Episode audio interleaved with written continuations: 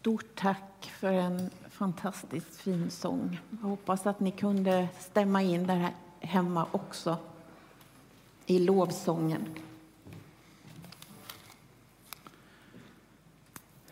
Ja, eh, våren och vintern börjar ju närma sig sitt slut.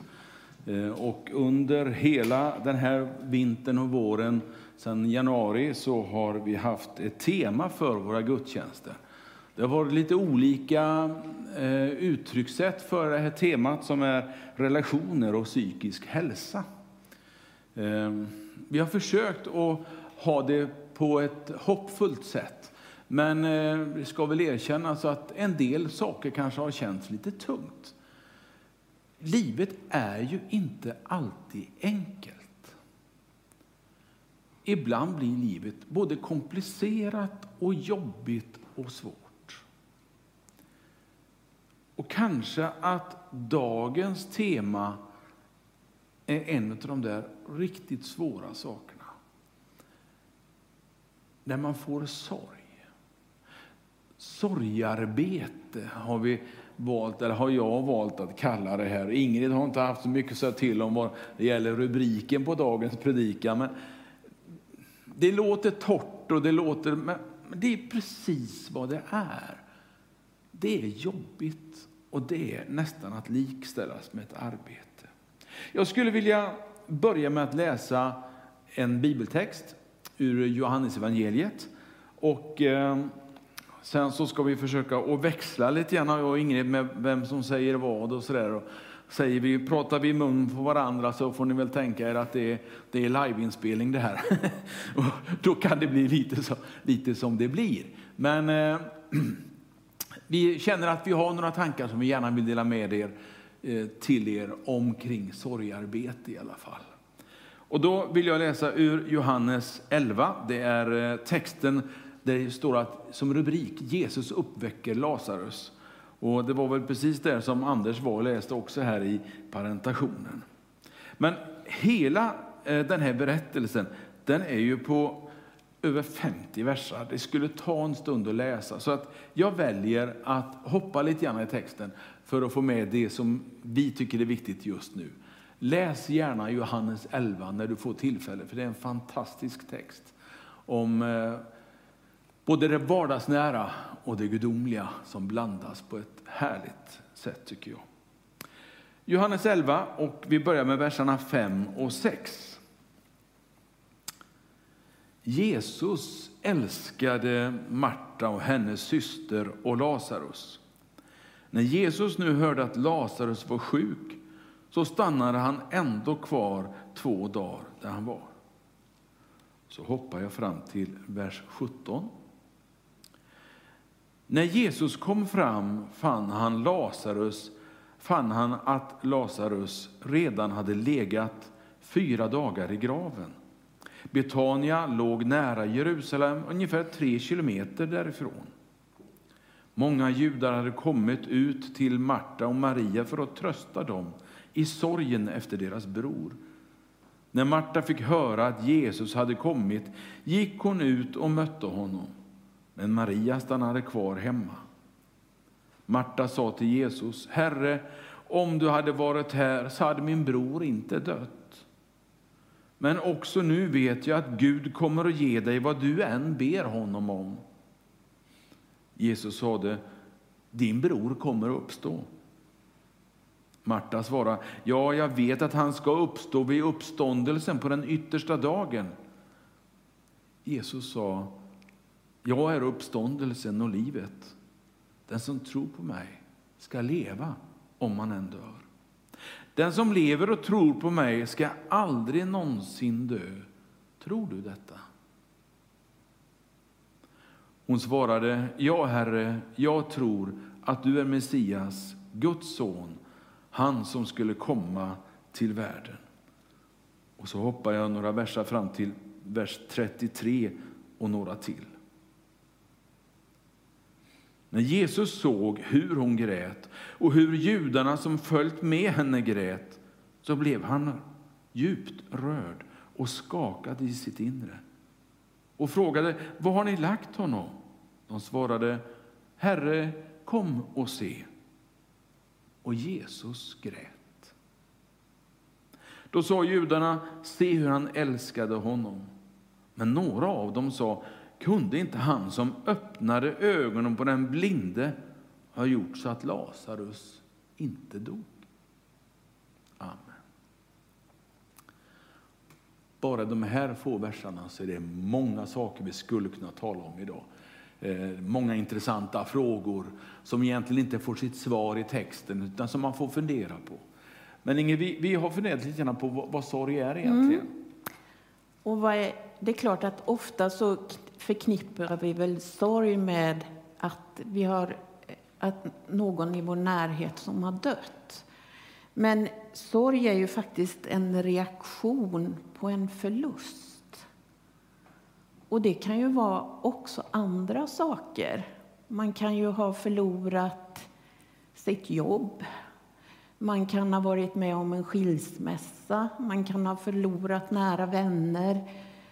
Ja, det finns ju olika förluster som man kan göra i livet. Och de, såklart så kommer det ju att se olika ut beroende på hur den här förlusten ser ut. Och sen har vi ju pratat om liksom att sorg kanske också är ett arbete. Att det tar sin tid att ta sig igenom sorgen. Och vi ska prata lite grann senare också om att det finns lite olika stadier i sorgen. Men jag har tänkt jättemycket på den här texten som du läste nu, Bengt. Eh, där, där ju Jesus säger när han kommer dit att jo, men Lazarus, han, han ska inte dö, utan han kommer att uppstå. Mm. Och så står det ändå att Jesus grät. Mm. Alltså för mig blir det så vardagsnära. Eh, Jesus, han hade känslor. Så tänker jag. Jesus var gudomlig. Men han utnyttjade inte sin gudomlighet till fullo, för då hade, då hade han inte varit människa. Alltså, det kommer fram både och. här. Jag tror att Jesus anade och förstod att här krävdes det ett mirakel utav sällan skådat slag eh, för att hans vän skulle få komma tillbaka till livet. Eh, och ändå så upprördes han, står det, i sitt inre och han grät. För han saknade och såg de andra som saknade Lazarus. Så jag tycker det, det, det, är så äkta, texten. För mig blir den en, en äkthetsstämpel i alltihopa. Sorg, det är ju någonting som är mycket äldre än Nya Testamentet. Jag menar, sorg har ju funnits sedan Kain och Abel slogs egentligen i första, eh, Bibelns första bok. Men man tror ju faktiskt att det finns en bok som är äldre på det sättet att den skrevs ner före Första Mosebok. Första Mosebok är ju den, den som beskriver ursprunget.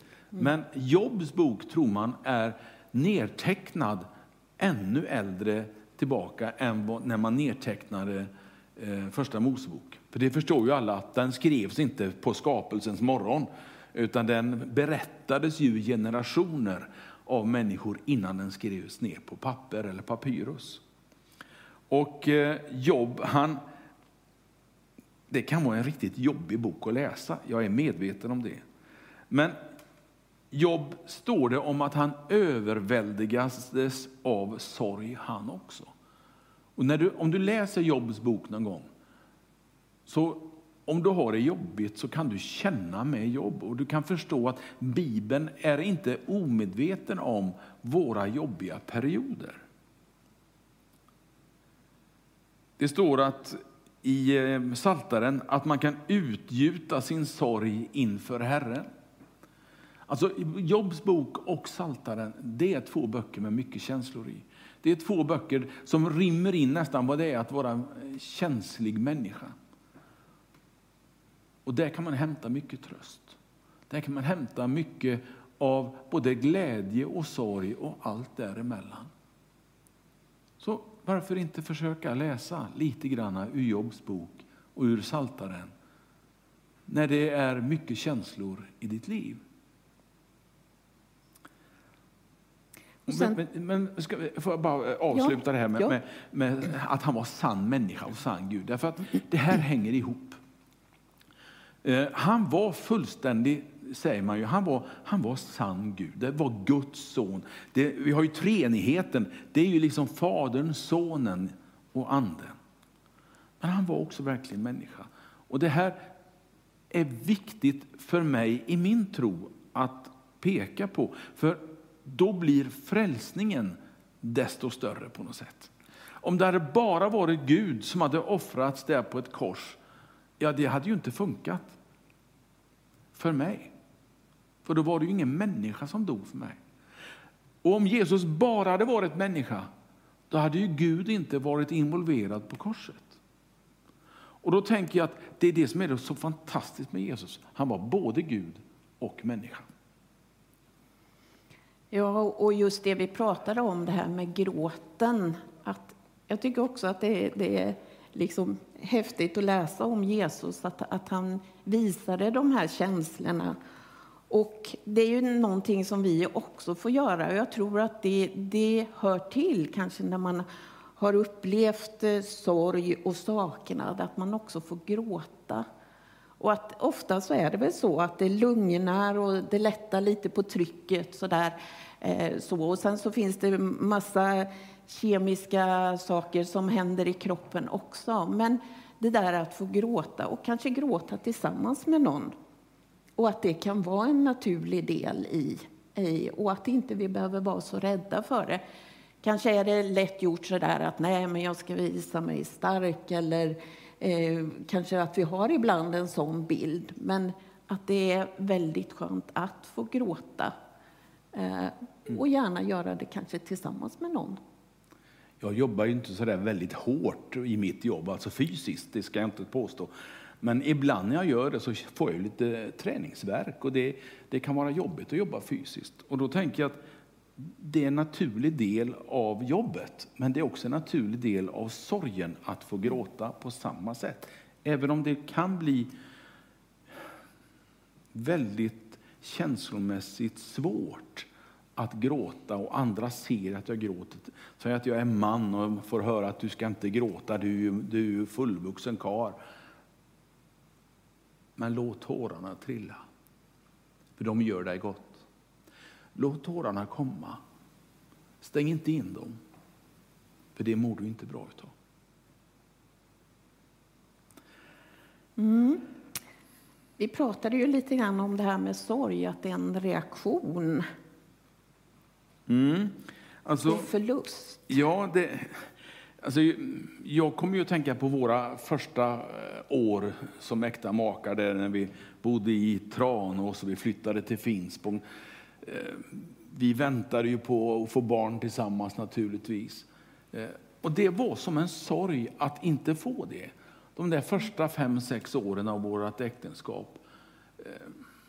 Vi grät ju ibland. Det var jobbigt. Det gjorde vi. Eh, så att all sorg har ju inte med döden att göra på det sättet. Eh, men jag är inte beredd att jämföra det med den där sportsorgen.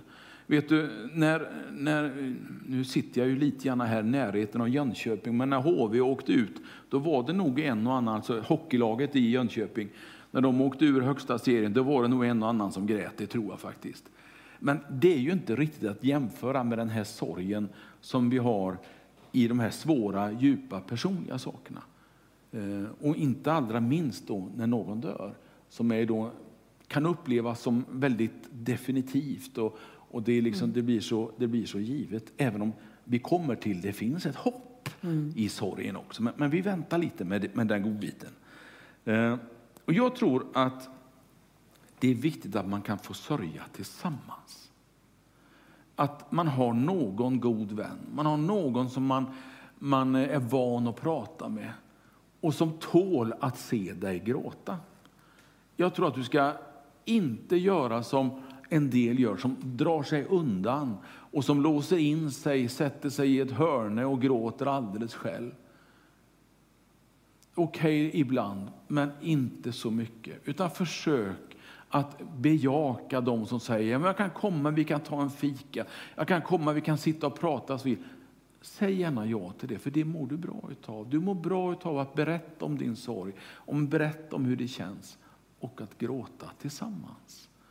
Ehm, för det är ju djupt mänskligt att dela på det som är jobbigt. Mm. Och jag tänker också att själavården har en viktig uppgift här också. Att det, vi har, kan ju erbjuda i församlingen här om man vill ha ett själavårdssamtal. Och inte så sällan så kanske det handlar om sorg eller när, när något har inträffat, att någon har, i ens närhet har gått bort. Och då finns ju själavårdaren där också. Och där vi har sagt att som, som själavårdare så är man medvandrare i det här. Man går med en bit på den vägen som, som man har igenom det här sorgearbetet. Och det tror jag är jätteviktigt. Kontaktuppgifter finns på vår hemsida om du känner att du vill ha någon att prata med som kanske du inte möter i hemmet på det sättet, utan eh, någon själavårdare helt enkelt. Så sök upp vår hemsida, där finns det hjälp för det. Mm.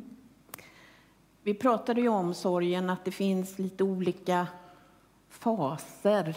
Och jag ska inte gå in och bli någon teoretiker nu, för att det där finns många andra som är mycket bättre på. Och en del säger också att, att sorgarbete kanske mer är en process. Men det börjar ju kanske med den där chocken när det inträffar. Eh, eh, och sen blir det någon slags reaktionsfas efter det. Att man försöker göra något och en del kan liksom fastna i den här reaktionsfasen och kanske inte ta sig ur den. Och det kan bli kanske eh, ganska destruktivt för en del. Utan det viktigare är ju att näst, komma till nästa fas, det här med att man bearbetar. Man kan förstå, kanske inte förstå alltid vad som har hänt, men man kan prata med andra, man kan liksom, mm. liksom lite mer förstå i alla fall. Och tills man kommer till den här nyorienteringsfasen när man kan se att jo, nu, nu har jag tagit mig igenom det här och jag kan ändå se framåt. Eh, vilket jag tror är viktigt. Så det här är väl li, lite grann som, som forskningen säger och teoretikerna om. Eh, och jag skulle tro att det är ganska lika. Sen, sen kanske inte all, för alla människor de här kommer i exakt den här ordningen eller så, utan det, det, är ju väldigt individuellt och det är ju viktigt att det får vara det. Och de går in i varandra, ja. de här faserna. Och det kan liksom börja och sluta, de kan vara olika långa och så där. Men när man tittar tillbaka så kan man ofta se att det finns spår av de här fyra upplevelserna. Mm. Tror jag. Absolut. Eh, och det som jag eh, fick uppleva då när jag var innan ens jag hade fyllt 19 år, det var ju att min pappa fick lämna det här jordlivet. Och eh, om det verkligen var något jag fick uppleva så var det ju den här chockfasen eftersom han skulle åka iväg eh, tillsammans med lite kollegor eh, till, från Kungälv till Jönköping. Och när de stannade och fikade så, fick, så segnade han helt enkelt ner och, och eh, det gick ganska fort. Han fick en hjärtinfarkt där. Eh, och vi fick eh, på ett ganska dramatiskt sätt genom endast ett telefonsamtal liksom, till min mamma. Och som tur var så, så fanns jag hemma den där dagen när det där telefonsamtalet kom.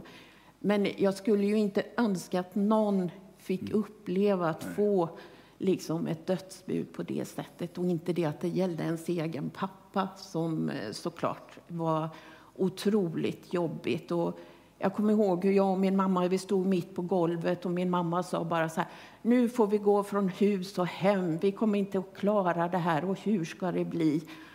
Och, och det är klart att det var ju chocken liksom så här. Eh, men det är klart att det inte blev så utan eh, det finns ju väldigt mycket som man sen kunde bearbeta och, och såklart att vi klarade oss.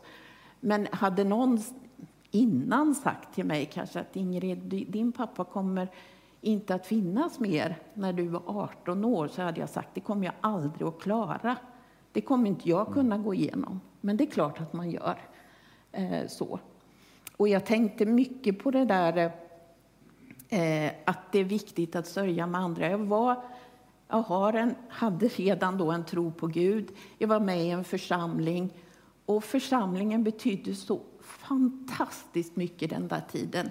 Det kanske inte var så att jag, jag gick i själavård, men, men när jag kom till kyrkan så kanske jag var ledsen och det fanns alltid någon där som liksom bara mötte en eller bara kramade en eller så. Och det, det betydde så oerhört mycket för min del då. Eh, sen kan väl jag ha upplevt i det här eh, sorgen över det som inte blev. Mm. Eh, även om vi hade, det var några år när vi hade svårt att få barn, så har vi ju nu, sen fick vi ju fyra stycken i alla fall. Och, och jag kan ju sörja och känna sorg över att mina barn inte fick träffa sin morfar någon gång. Eh, så det är ju kanske sånt där som liksom lever kvar. Även om jag har bearbetat alla de här olika faserna så kan det komma tillbaka till mig emellanåt. Ja, men så är det och samtidigt så får man liksom acceptera att så här blev det. Men du har också lite annan ja, alltså upplevelse. Vi, vi satt och pratade om det där. Så för ett, ett halvt år sedan så blev min lilla syra eh, svårt sjuk i cancer. Och eh, ganska fort, på bara en och en halv månad, så gick hon från eh, något sånär frisk till att hon dog. Eh, och det jag tänkt på lite grann, det, det, var det jag tog mod med eh, att göra faktiskt. För vi fick beskedet på eh, sent en eftermiddag eller tidigt en kväll att, att hon faktiskt eh, låg på sin dödsbädd. Och jag sa till Ingrid, jag åker på en gång, sa jag. Eh, och du sa, ja men då följer jag med. Så vi slängde oss i bilen och körde ner till Alingsås sjukhus. Men när vi satt i bilen så fick vi beskedet att mm. hon hade dött redan. Och jag sa att vi åker ner ändå, så jag, för jag vill ändå finnas där. Och då bestämde jag mig för att jag ska göra en kort, enkel andakt där vid hennes dödsbädd. De hade gjort henne så fin. Eh, hennes man var där och några till. Och så kommer det in en sjuksköterska, för Berit jobbade på den avdelning som hon dog på. Eh, så det kom in personal också. Och jag sa att ja, ni får gärna vara med. Så jag jag läste ett bibelord och vi ber en bön. Det var allt vi gjorde, men det glömmer vi aldrig. Mm. Och jag tror att det där är någonting som, som man kan ta till när man får den möjligheten. Att ha en kort andakt direkt efter själva dödsfallet faktiskt. Där mm. det sker, om det är hemma eller om det är på sjukhuset eller på ett äldreboende eller var det än är. Så kan man liksom ha den där eh, andakten. Jag har haft det på, jag tror det var tidigt en julafton jag hade på sjukhuset en gång. Och det, det, är liksom, som pastor så tänker jag mig att det här är mitt jobb. Det här gör jag därför att jag älskar Jesus. Eh, nu ska vi inte fastna i det, men Nej. vi berättar lite grann för att, att det ska få bli personligt. För sorg mm. är så personlig mm. och den är olika och det måste vi ha respekt för. Nu tycker jag att vi börjar närma oss hoppet, eller vad säger du Ingrid? Absolut. Eh, och det är svårt att tala om hoppet i min tro när det gäller sorg och död utan att blanda in Jesus. Det är, liksom, det är centrum för mitt hopp. Det, det är det viktiga i mitt hopp. Sen är människor och andra runt omkring viktiga också. Men när det gäller det långvariga hoppet, för han talar ju om en död som besegras. Det är ju bara så häftigt. Det talas om i Jeremia bok om jubel som vänder på sorgen. Alltså där sorgen blir jubel. Men det går inte med en gång, utan det tar ett tag. Men Jeremia hade erfarenheten. Tröst blir glädje. Och smärta byts också. Alltså allt det här har sin tid. Och det ska få ha den tiden. Men det finns någonting mer. Eller hur? Och det är ju faktiskt så att predikaren också säger mycket om det här. Allt har sin tid. Och då står det också sen i fjärde versen i Predikaren 3. Eh, en tid att gråta och en tid att skratta. En tid att sörja och en tid att dansa. Mm. Och Det där kan ju vara svårt när man står mitt uppe i mm. det jobbiga. Och jag begär inte heller att man ska se utöver. Alltså, det blir väldigt snava ramar just då. Men bara vetskapen om att hoppet finns där, för mig är det viktigt. Jag tänker också Ingrid på, på eh, dagarna innan min syra dog. Så frågade jag henne, hur, hur du vet mm. ju att du ska dö, sa jag. Mm. Hur, hur tar du det? Hur känns det? Hur är det? Ja, sa hon log lite ansträngt sådär. Men Jesus tar hand om mig, så.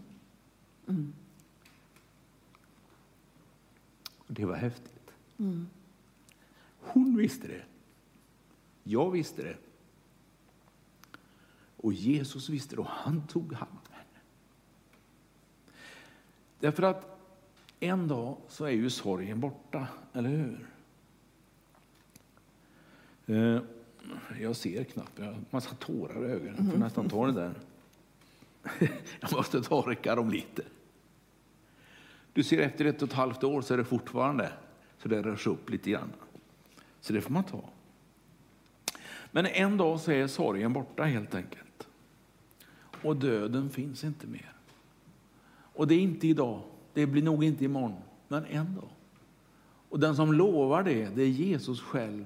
Och den som skriver om det, det är Johannes i Uppenbarelseboken. Och det får bli vår avslutning på den här predikan, det här samtalet omkring sorgarbete. Då vill jag läsa från den sista boken i vår bibel, i Uppenbarelseboken, och det näst sista kapitlet som är kapitel nummer 21 och vers 4. Och han ska torka alla tårar från deras ögon. Döden ska inte finnas mer och ingen sorg och ingen gråt och ingen plåga. För det som förr var är